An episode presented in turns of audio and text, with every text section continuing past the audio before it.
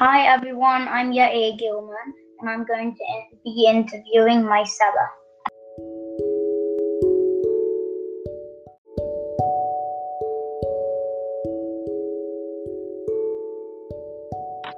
Hello. Hi Saba, how are you? Uh, good, thank you. How are you? Yeah, yeah. All right. Yeah, I'm fine. Uh, I just wanted Great. to ask you some questions about Shavuot. Is that okay?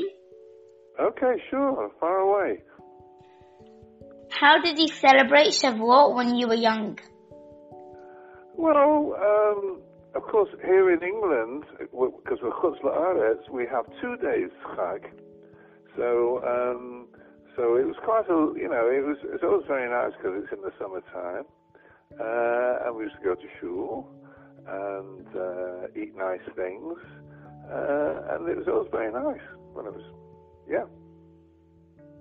Did you have any special minhagim?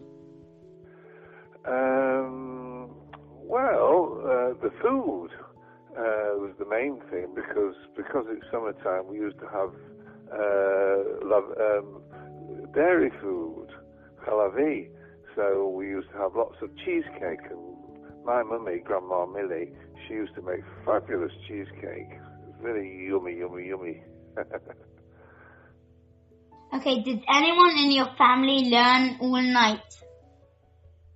Well, when I was young, before I was married, I used to go to Tikkun Leil Shavuot, uh, when we used to stay up all night and learn, and then we would daven shacharit about um, three or four o'clock in the morning, and then I'd get home about five o'clock in the morning and go straight to bed.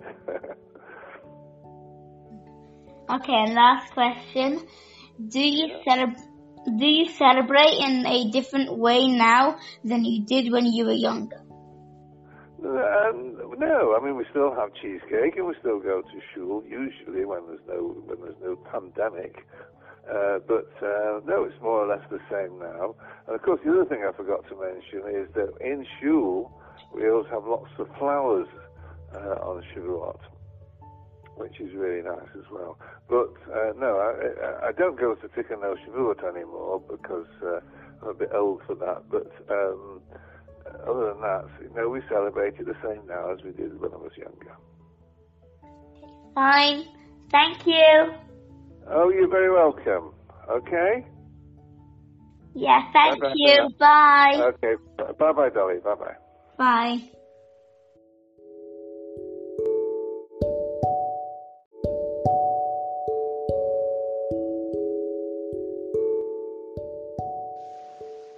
I want to thank my Saba for letting me interview him. Thank you, Saba.